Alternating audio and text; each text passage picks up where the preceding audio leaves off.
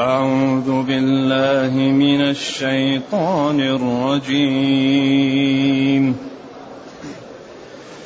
وكذلك أخذ ربك إذا أخذ القرى وهي ظالمة. إن أخذه أليم شديد. إن في ذلك لآية لمن خاف عذاب الآخرة. ذلك يوم مجموع له الناس وذلك يوم مشهود. وما نؤخره إلا لأجل معدود. يوم يأتي لا تكلم نفس إلا بإذنه فمنهم شقي وسعيد. فأما الذين شقوا ففي النار لهم فيها زفير وشهيق. خالدين فيها ما دامت السماوات والأرض إلا ما شاء ربك إن ربك فعال لما يريد. واما الذين سعدوا ففي الجنه خالدين فيها ما دامت السماوات والارض ما دامت السماوات والارض الا ما شاء ربك عطاء غير مجذوذ فلا تك في مرية مما يعبد هؤلاء. ما يعبدون إلا كما يعبد آباؤهم من قبل.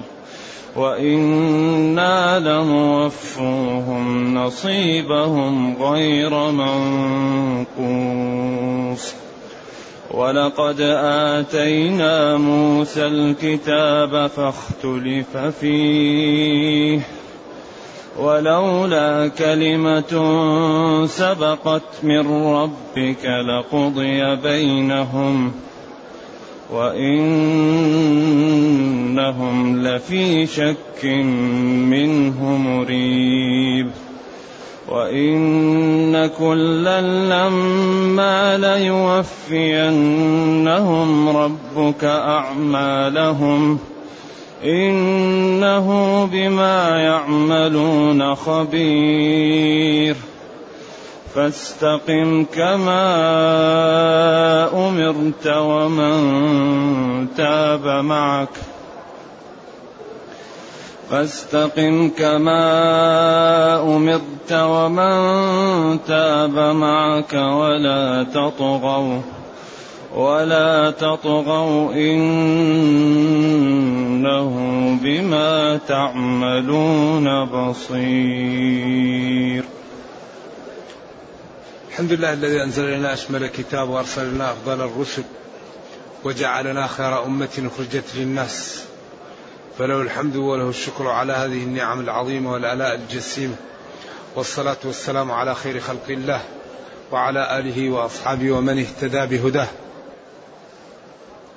ما بعد فإن الله تعالى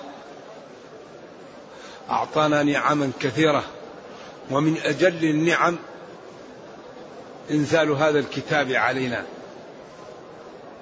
هذا الكتاب الذي بين لنا كيف نعيش حياه سعيدة وكيف ننجو من الضلال وكيف نسعد في دنيانا وأخرانا. فهذا الكتاب نعمة من الله عظيمة على خلقه.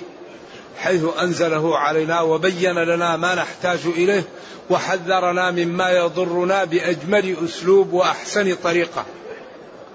لذلك هنا يخوف قريش ويخوف من يسمع هذه الآيات ليعتبر ويستفيد قبل أن يفوت الأوان.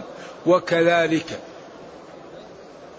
وكذلك أخذ ربك إذا أخذ القرى وهي ظالمة. كمثل الكاف للتشبيه. مثل ذلك الأخذ الذي أخذ الله به الأمم السابقة التي كفرت وزادت على الكفر طغيانا وإجراما ودمرها ربها يأخذ الأمم اللاحقة التي سارت على تلك الطريقة. أي مثل ذلك الأخذ. كذلك مثل ذلك الأخذ. أخذ ربك. إذا أخذ القرى والحال أنها ظالمة.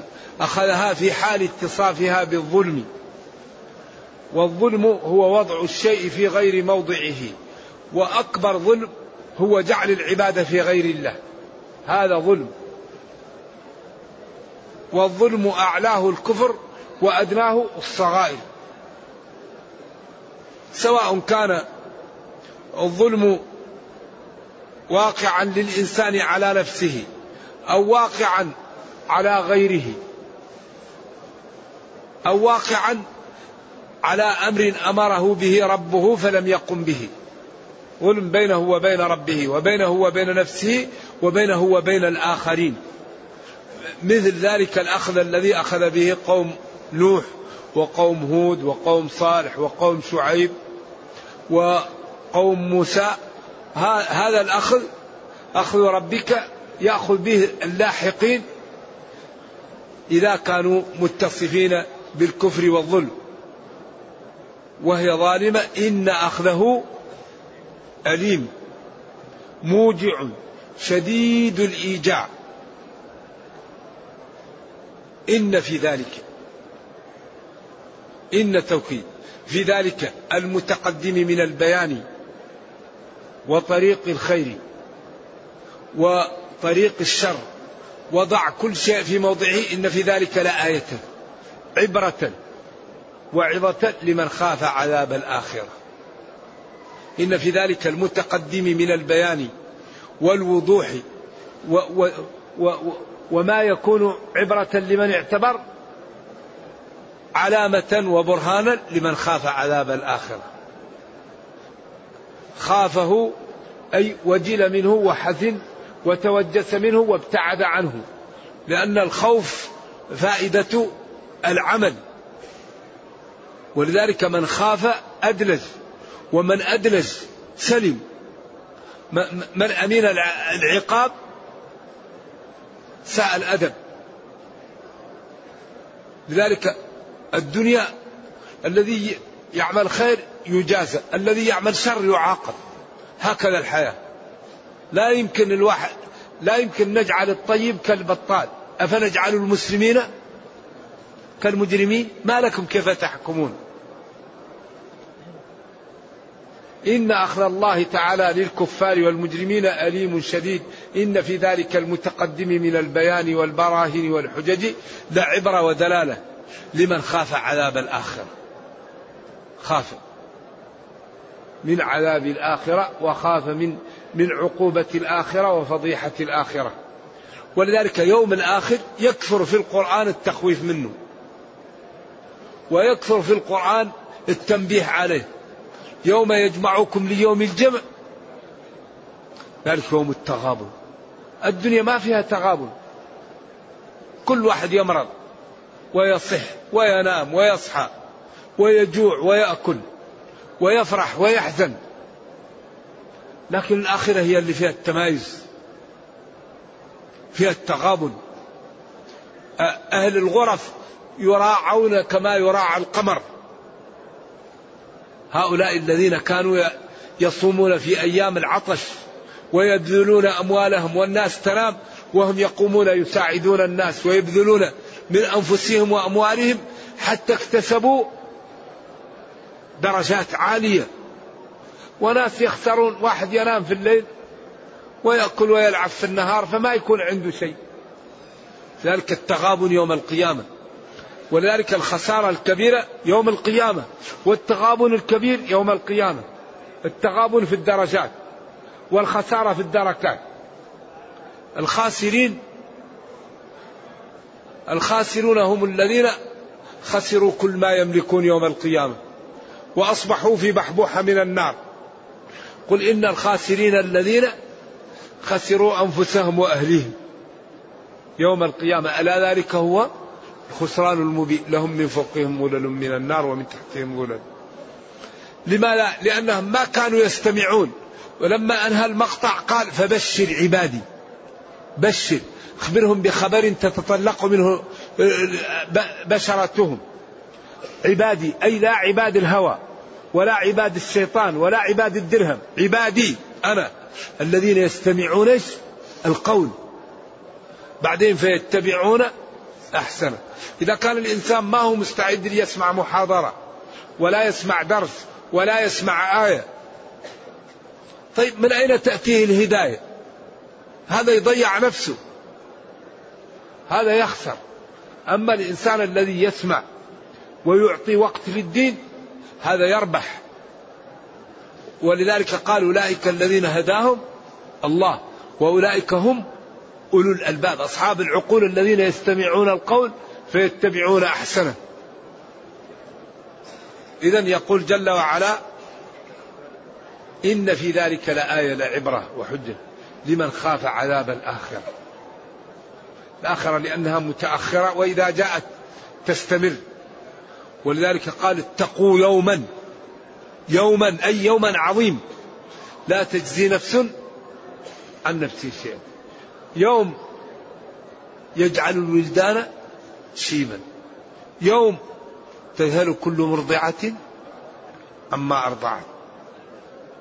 قلنا إن هذه التاء تاء إيش؟ مرضعة. التاء تسمى ماذا؟ مرضعة لأن التاء تكون في الصفات المشتركة. تقول رجل عالم وامرأة عالمة رجل تقي وامرأة تقية. لكن ما تقول امرأة حائضة؟ امرأة حائض. امرأة حامل. امرأة قاعد. امرأة مرضع. لأن الرجل لا يعمل هذه الصفات فما يحتاج أن تأتي التاء لأنها صفات خاصة بالنساء. إذا مرضعة هنا هذه التاء. قال العلماء إنها تاء الصفة. المرضعة هي المرأة التي وضعت الثدي في فم الطفل وخصوصا في أشهره الأولى فيشرب باللبن. فإذا شرق وهو صغير خطر على حياته يختنق. فتجد أن الأم في هذا الوقت إذا وضعت ثديها في فم الطفل تكون شديدة الحرص على متابعته لكي لا يشرق في هذا اليوم تذهل كل مرضعة التي وضعت الثدي في فم الطفل. هذه تاء الصفة هي التي باشرت الإرضاع ووضعت الثدي في فم الطفل. إذا مرضعة إذا في هذا اليوم المرأة تذهل عن ولدها. يفر المرء من أخيه وأمه وأبيه. لا تسمع إلا همسا عراة. والوضع لا يعلمه إلا الله. فالله يكثر في القرآن من التحذير من هذا اليوم. أن الإنسان يعني يحاول قبل أن يخرج من الدنيا أن ينجو من هذا اليوم بالأعمال الطيبة. إذا إن في ذلك لآية لمن خاف عذاب الآخرة. ذلك اليوم لمن خاف عذاب الآخرة. يوم القيامة. ذلك يوم مجموع له الناس. وذلك يوم مشهور. كل الناس تجمع لهذا اليوم. لا يبقى أحد. وكل إنسان يشهده. والأسلوب فيه نوع من التخويف والتهويل ومن التنبيه للإنسان أنه هذا اليوم الذي يجتمع فيه الجميع ينبغي كل واحد أن يظهر بمظهر محترم لأن فضيحة أمام جميع الناس إهانة جميع الخلق. ذلك يوم مجموع له كل الناس. يقال الملك يقول تعالوا لا يتأخر أحد. وكل إنسان يشهده وكل إنسان يعطى كتابه. فمن أعطي كتابه بيمينه فأولئك هم المفلحون. ومن خفت موازينه فأولئك الذين خسروا أنفسهم. وكل إنسان ألزمناه طائره في عنقه. ونخرج له يوم القيامة كتابا يلقاه منشورا اقرأ كتابك. كفى بنفسك اليوم عليك حسيبا. ما يقول الكافر يا ويلتنا ما لهذا الكتاب لا يغادر صغيرة ولا كبيرة إلا أحصاها. ووجدوا ما عملوا حاضرا. ولا يظلم ربك أحدا. إذا ما السبيل؟ ما الطريق؟ ما النجاة؟ هو أن الإنسان يحاول أن ينجو بنفسه قبل أن يفوت الأوان. ما في. القيامة ما فيه إلا جنة. أو نار. القيامة ما فيها إلا حسنات أو سيئات ما في. عندك حسنات. ما عندك حسنات يأتي الدائنون ويؤخذ سيئاتهم وتوضع عليك. لذلك ينبغي للإنسان أن يحاسب. قال عمر حاسبوا أنفسكم قبل أن تحاسبوا. إذا يوم مجموع له الناس ويوم تشهده جميع الخلق. وبعدين فيه ميزان. وفيه كل شيء. كيف قال قال بعض السلف لبعض كيف الله يحاسب الناس؟ كلهم في هذا الموقف. قال له طيب كيف يرزقهم كلهم؟ كيف الآن كل واحد يأتيه رزقه؟ وهو جالس. كل الناس يرزقهم الله. لو قيل لأي إنسان الآن غدي أهل الأرض. أو عشيهم ما يستطيع. أغنى البشرية. لو قيل له لك أن تغدي أهل الأرض أو تعشيهم ما يستطيع. الله يغديهم ويعشيهم وفي كل وقت. قال كيف يحاسبهم في كل وقت؟ طيب, طيب قال له كيف يرزقهم في كل وقت؟ هم جميعا. الذي يعرفهم يرزقهم ويدفع عنهم. ولذلك قدرة الله لا توصف ب ب ب ليس كمثله شيء. وما نؤخره. أي وما نؤخره. يوم القيامة أو العذاب إلا لأجل معدود. هم يقولوا ائتنا بالعذاب ما نؤخره إلا لأجل معدود. كتبه الله عنده أنه لا يعجل الناس بالعقوبة وأنه يؤخر عنهم العذاب. ويحلم عليهم. لكن يوم يأتي لا تكلم نفس إلا بإذنه. يوم يأتي يوم القيامة ويأتي العذاب لا يستطيع أحد أن ينطق ولا يستطيع أحد أن يشفع إلا بإذن الله تعالى ولا يفعل شيء إلا بإرادة الله وبالإذن له لأن الخلق في قبضته والأمر يتغير. وفي ذلك اليوم لا يوجد إلا الله. كل الكبار كل واحد نفسي نفسي. الرسل نفسي نفسي. فما بالك؟ والذين كانوا يتجبرون في الدنيا لا يقام لهم وزن. فلا نقيم لهم يوم القيامة وزنا. ذلك جزاؤهم جهنم بما كفروا. واتخذوا آياتي ورسلي هزوا. إن الذين آمنوا وعملوا الصالحات كانت لهم جنات الفردوس نزلا. كل القرآن قائم على هذا. قائم على جماعة استقامت ونجت وأعطيت وأكرمت وجماعة انحرفت فهلكت وعذبت وهذا يتكرر. والمقصود العبرة والفهم وأخذ الحيطة قبل أن يفوت الأوان. يوم يأتي لا تكلم نفس إلا بإذنه سواء كان المقصود بالكلام الشفاعة أو كان المقصود الكلام بالدعاء أو بغيره. فمنهم شقي وسعيد هكذا القرآن هكذا الخلق. الخلق حزب الله وحزب الشيطان. أيوة. لكن حزب الله الذي يتبع شرع الله ويلتزم أوامر الله ويجتنب نواهي الله. العبرة بالحقائق نعم. ولذا منهم شقي وسعيد الشقي هو الذي جاءته الرسل فكذب بها. وجاءته الأوامر فرمى بها عرض الحائط وجاءته النواهي فقدم عليها عن قصد وعلم وإصرار وعدم مبالاة.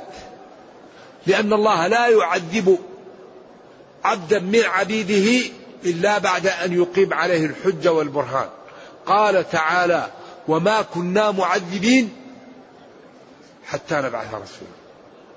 وقال رسلا مبشرين ومنذرين لئلا يكون للناس على الله حجة بعد الرسل. وقال في حق أهل النار أفواج عياذا بالله كلما ألقي فيها فوج كلما تقتضي التكرار كلما ألقي في النار فوج سألهم سأل الفوج سأل الفوج خزنتها سألهم خزنتها سأل الفوج خزنتها. ألم يأتكم نذير؟ قالوا بلى. قد جاءنا نذير فكذبنا. فربنا لا يظلم الناس شيئا ولكن الناس أنفسهم يظلمون. إذا والله لا عذر بعد هذا البيان وبعد هذا الإيضاح وبعد هذا ال ال الأمر الذي لم يبقى فيه خفاء لا عذر. فينبغي لكل إنسان أن يبادر بالنجاة بنفسه. فمن هؤلاء الخلق شقي وسعيد. فأما الذين شقوا بأن لم يتبعوا الأوامر ولم يجتنبوا النواهي وقاموا بالكفر والإجرام ففي النار. لهم للأشقياء فيها في النار زفير تنفس شديد وشهيق أخذ نفس شديد. وهي يعني صفة منفرة ومكروهة لا تحب. بعدين الزفير والشهيق نفس الأسلوب يدل على أن آه، الهيئة هيئة مكروهة غير محببة خالدين فيها. أي في النار ما دامت السماوات والأرض إلا ما شاء ربك. هنا وقفة للعلماء وبعدين قال وأما الذين سعدوا وسعدوا. هنا الفعل يستعمل لازم ومتعدي. وقراءتان سبعيتان. ففي الجنة خالدين فيها ما دامت السماوات والأرض إلا ما شاء ربك عطاء غير مجدود هذه الآية فيها إشكال. وأوضح ما يقال أن المقصود بما شاء ربك هو المقصود به لأهل الجنة الذين كانوا في الدنيا قبل أن يدخلوا الجنة. وأهل النار الذين كانوا في الدنيا قبل قبل أن يدخلوا جهنم. أو يكون المقصود عصاة المسلمين إلا ما شاء ربك أنهم يبقون فيها ثم يخرج من كان في قلبه إيمان. إذا هذا الجمع بين الأقوال. فيكون إلا ما شاء ربك استثناء مما شاءه أن لا يكونوا في الجنة قبل موتهم وأن لا يكونوا في النار قبل موتهم. هذا لأهل الجنة وهذا لأهل النار الذين هم كفار. أو إلا ما شاء ربك المقصود به عصاة المسلمين. يطهروا ويدخلوا الجنة. عطاء في الجنة. غير مجدود غير مقطوع غير ممنوع. ولذلك ينبغي للعاقل أن يبذل للجنة. الجنة غالية. ما يمكن الإنسان يدخل الجنة إلا ببذل. ينبغي أن نبذل للجنة. ولذلك ربنا قال إن الله اشترى من المؤمنين أنفسهم وأموالهم بأن لهم الجنة. فينبغي أن نبذل ومن أهم ما نبذل للجنة وللدين القدوة الحسنة نحن الآن أهم شيء نحتاج له القدوة الحسنة كل واحد منا يكون قدوة في الخير. هذا الذي نحتاجه في هذا الزمن الذي تكالب أعداء المسلمين عليهم. وأصبح المسلمون يعني في كثير من البلدان يجدون مضايقات في ممارسة إيش؟ عبادتهم ودينهم.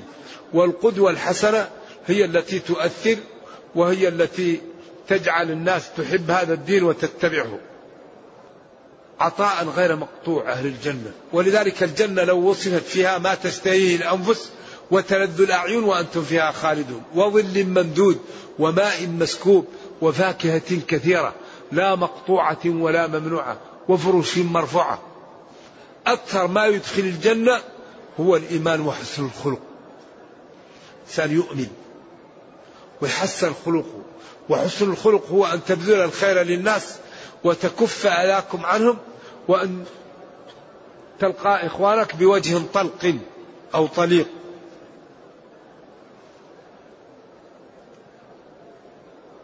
ثم قال فلا تكن.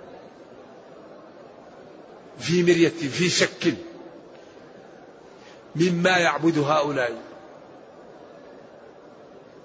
لا تكن في مرية ولا شك من عبادة هؤلاء الذين هذه صفتهم. ما يعبدون إلا كما يعبد آباؤهم من قبل. لا دين لهم وإنما هم كفار. وإن الله لموفيهم لمجازيهم نصيبهم. يعني جزاء عملهم غير منقوص لا ينقص منه شيء. فإن خير فإن كان خير فخير وإن كان شر شر. كل الناس ستجازى أعمالها. وهذا الحقيقة يقال لنا ونحن لا زلنا في الدنيا حتى إن كل واحد منا يتوب ويبدأ يعمل أعمال الخير ويبتعد عن المعاصي فينجو ويكون قدوة في الخير. وإنا لموفوهم لمناجازيهم نصيبهم غير منقوص. ولقد آتينا موسى الكتاب. والله لقد أعطينا موسى الكتاب فاختلف فيه. منهم من آمن ومنهم من كفر. ولولا كلمة سبقت من ربك لقضي بينهم. وإنهم وإنهم لفي شك منه مريب. ولولا أن الله تعالى قيض أنه لا يعجل العقوبة لأهلك هؤلاء في حال ولكنه جعل لكل أجل كتاب وأنه لا يعجل العقوبة وإنهم لفي شك مما جاءتهم به الرسل وما جاء به النبي صلى الله عليه وسلم. أعني اليهود وكفار قريش مريب أي جعلهم في ريب. لفي شك جعلهم أصحاب ريب جعلهم أصحاب تهمة وأصحاب عيب. وإنهم لفي شك منه مريب. أي هم في شك جعلهم أصحاب ريبة وأصحاب عيب. بعدين قال وإن كلا لما ليوفينهم. وإن كلا لما ليوفينهم. كلها قراءات سبعية. إن وإن كلا لما ليوفينهم وإن كلا لما.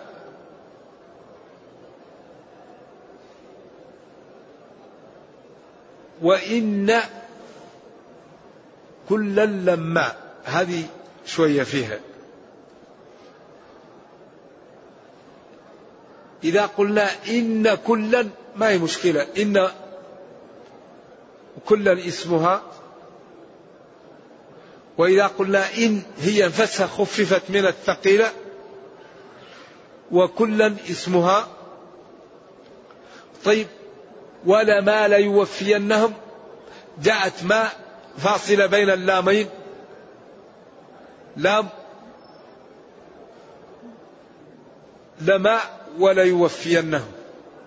جاءت الميم فاصلة بينهم حتى يكثر وتكون ماصلة. أما إذا قلنا لما فيكون الكلام في نوع من الإشكال ويمكن نقول أيضا لما وتكون إن مخففة من الثقيلة وخففت إن فقل العمل وتلزم اللام إذا ما تهمل. وإن كلا لما ليوفينهم لما ليوفينهم تكون لمن ما. فما تكون لما هنا هي لما المشددة ولا تكن تكون لمن ما. فقلبت النون ميما ثم حذفت وأضغمت الميم في الميم فصارت لما. أصلها لا من ما. وإن كلا لمما ليوفينهم ربك. لمن الذين يوفينهم ربك أعمالهم؟ وتكون ما على هذا موصول. وإن كلا لمن الذين يوفينهم ربك أعمالهم. أو تكون لما مخففة وإن كلا ليوفينهم ربك وتكون معصيلة وهي قراءات سبعية وصحيحة والقرآن حمال وذو وجوه. وعلى كل فكل شيء سيوفيه الله حسابه ويعطيه جزاءه غير منقوص كما هو وارد في الآيات والأحاديث. إنه بما يعملون خبير. أي بعملهم أو بالذي يعملونه. خبير لا يخفى عليه منه شيء. إذا لا مهرب ولا منجاة إلا الصدق. المنافقون استفادوا من الإسلام واستفادوا من الكفار فأصبحوا عبرة لمن يعتبر هم في الدرك الأسفل من النار. ووصفهم الله في القرآن بأنهم مذبذبون. وبأنهم كمثل لا يستوقد نارا أو كصيب من السماء. ووضح بيانهم حتى إنهم عياذا بالله لأنهم استفادوا وكذبوا فأصبحوا في أشد دركات النار. والذين كذبوا من القمم هم أول من توقد بهم النار. إذا لا منجاة إلا الصدق. ونحن الآن لا زلنا في الدنيا. فكل واحد ينتبه لنفسه قبل أن يقول آه ليتني أعود للدنيا. نحن الآن في الدنيا. ومن تاب تاب الله عليه. والحسنة بعشر أمثالها. لكن الله لا يقبل إلا ما كان له. العمل الذي ليس لله لا يقبله الله. فينبغي كل واحد منا أن يحتاط. يحتاط ويعمل قبل أن يفوت بعدين قال النبي فاستقم كما أمرت. ومن تاب معك ولا تطغوا. قل قالوا إن الشريعة في هذا في في فيها في اللائين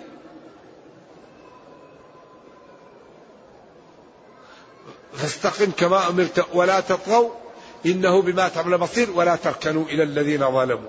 قالوا الشريعة في هذا. فاستقم كما أمرت ورد شيبة هود والواقعة. قيل إن شيبته هود بقوله فاستقم كما أمرت. استقم كما أمرت. هذه الشريعة كلها. استقم أمر بالاستقامة. كما أمرك الله وكما نهاك. كما جاءك في الشرع.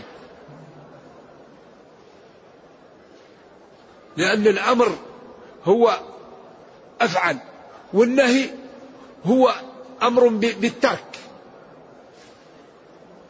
فالترك هو وإن كان نهيا لكن هو كأنه نهي بالكف.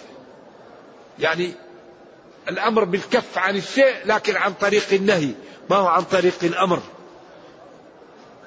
استقم كما أمرت. وهذا مقول لمن؟ النبي صلى الله عليه وسلم. وخطاب له خطاب لأمته وبيان لهم. فينبغي لكل واحد منا أن يستقيم كما أمر. وإذا استقام كل ما يريده يعطيه الله له. لأن الله كريم وقادر وغني. قال إن الله لا يضيع أجر من أحسن عملا وقال وما تسقط من ورقة إلا يعلم. وقال ما يكون من نجوى ثلاثة إلا هو رابعهم. فالذي يستقيم حتما الله يصلح له دنياه وأخرى أي شيء أعظم للعبد من أن تصلح له دنياه وأخراه؟ فاستقم كما أمرت. ومن تاب معك من المسلمين ودخل في الإسلام فليستقم كما أمر. بعدين قال ولا تطغوا. الطغيان هو تجاوز الحد التكبر التجبر. التعالي على الناس احتقارها. لأن الطغيان هو الزيادة في الكفر. يعني النظر للناس بازدراء النظر للأوامر بازدراء النظر للنواهي بعدم خوف منها. إنه بما تعملون بصير. وهذا فيه تخويف وتهديد. بعدين قال ولا تركنوا إلى الذين ظلموا. ركن له إذا اطمأن له ومال إليه. وهذا يخيف. فتمسكم النار. شوف التعبير الجميل الرائع الذي وصل من البلاغه والحسن ما لا يعلمه إلا الله. لا تركنوا. الركن هو جانب الشيء. فأنت إذا ركنت للشيء كأنك ملت إليه وتركت الحق لا تفعل لا تميل إلى الظلم. فإنك إن فعلت ذلك عرضت نفسك لأن تقع في النار. ولذلك أهم ما يكون العبد عنده رضا الله ورضا رسوله صلى الله عليه وسلم.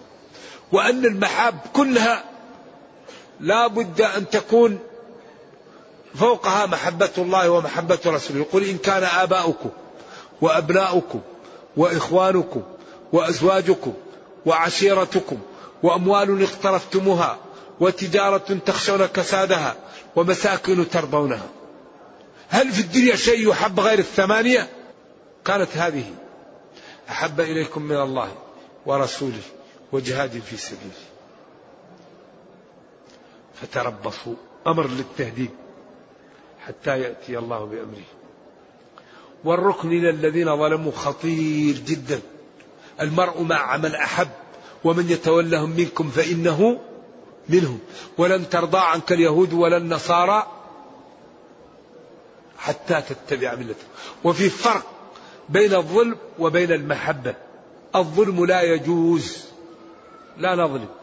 لكن قلوبنا لا نحب بها إلا المسلمين لا يجوز للمسلم أن يمتلئ قلبه من محبة غير المسلم. الولاء والبرباء أمر قلبي فنتعامل مع الكفار لا نظلمهم ولا نكذب عليهم. وإذا كنا في بلدهم نعاملهم بالحسنى.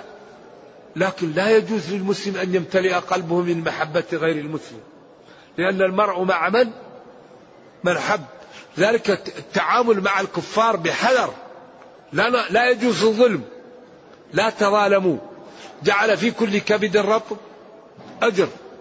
لذلك لا بد أن نتفقه في ديننا حتى نعلم كيف نعامل أبناءنا ونعامل أعداءنا ووالدينا وإخواننا. التعلم ضروري لأن الله تعالى خلق الخلق وكلفهم تكاليف وهذه التكاليف لها مواصفات. فإذا لم يتعلم العبد مواصفات العبادة يكون عمله ناقص أو خطأ. إذا لا بد أن نعطي وقتا لديننا لنعلم ما الواجب ما الحرام ما المكروه ما المباح ما المندوب. حتى نؤجر ولا نؤذر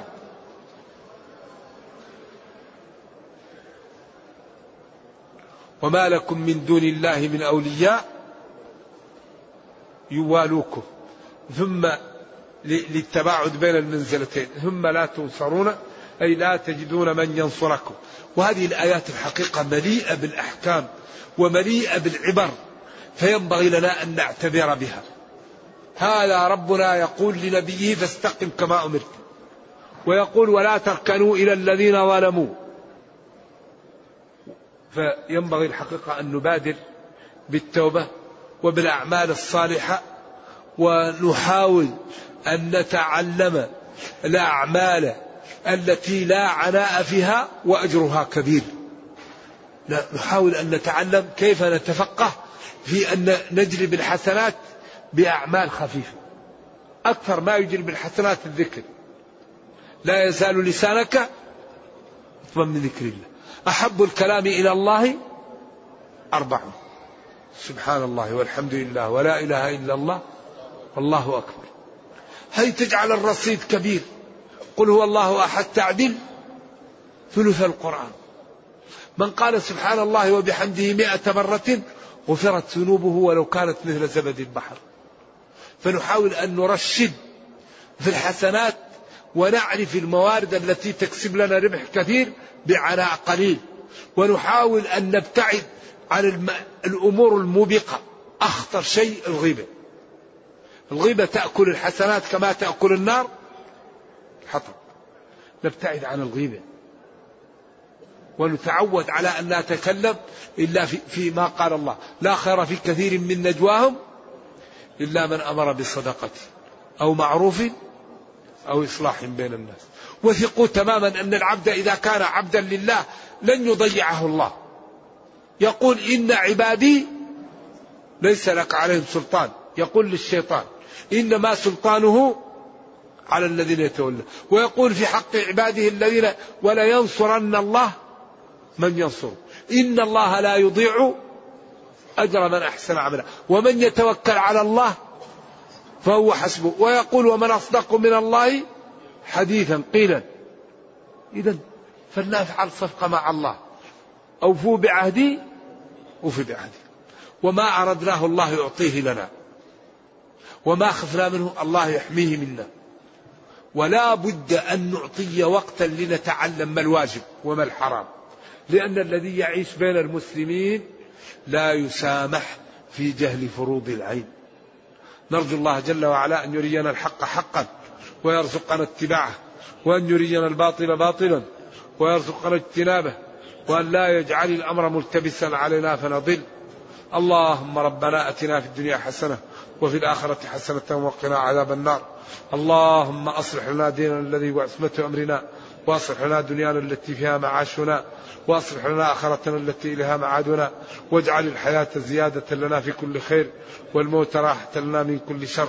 سبحان ربك رب العزة عما يصفون وسلام على المرسلين والحمد لله رب العالمين وصلى الله وسلم وبارك على نبينا محمد وعلى آله وصحبه والسلام عليكم ورحمة الله وبركاته.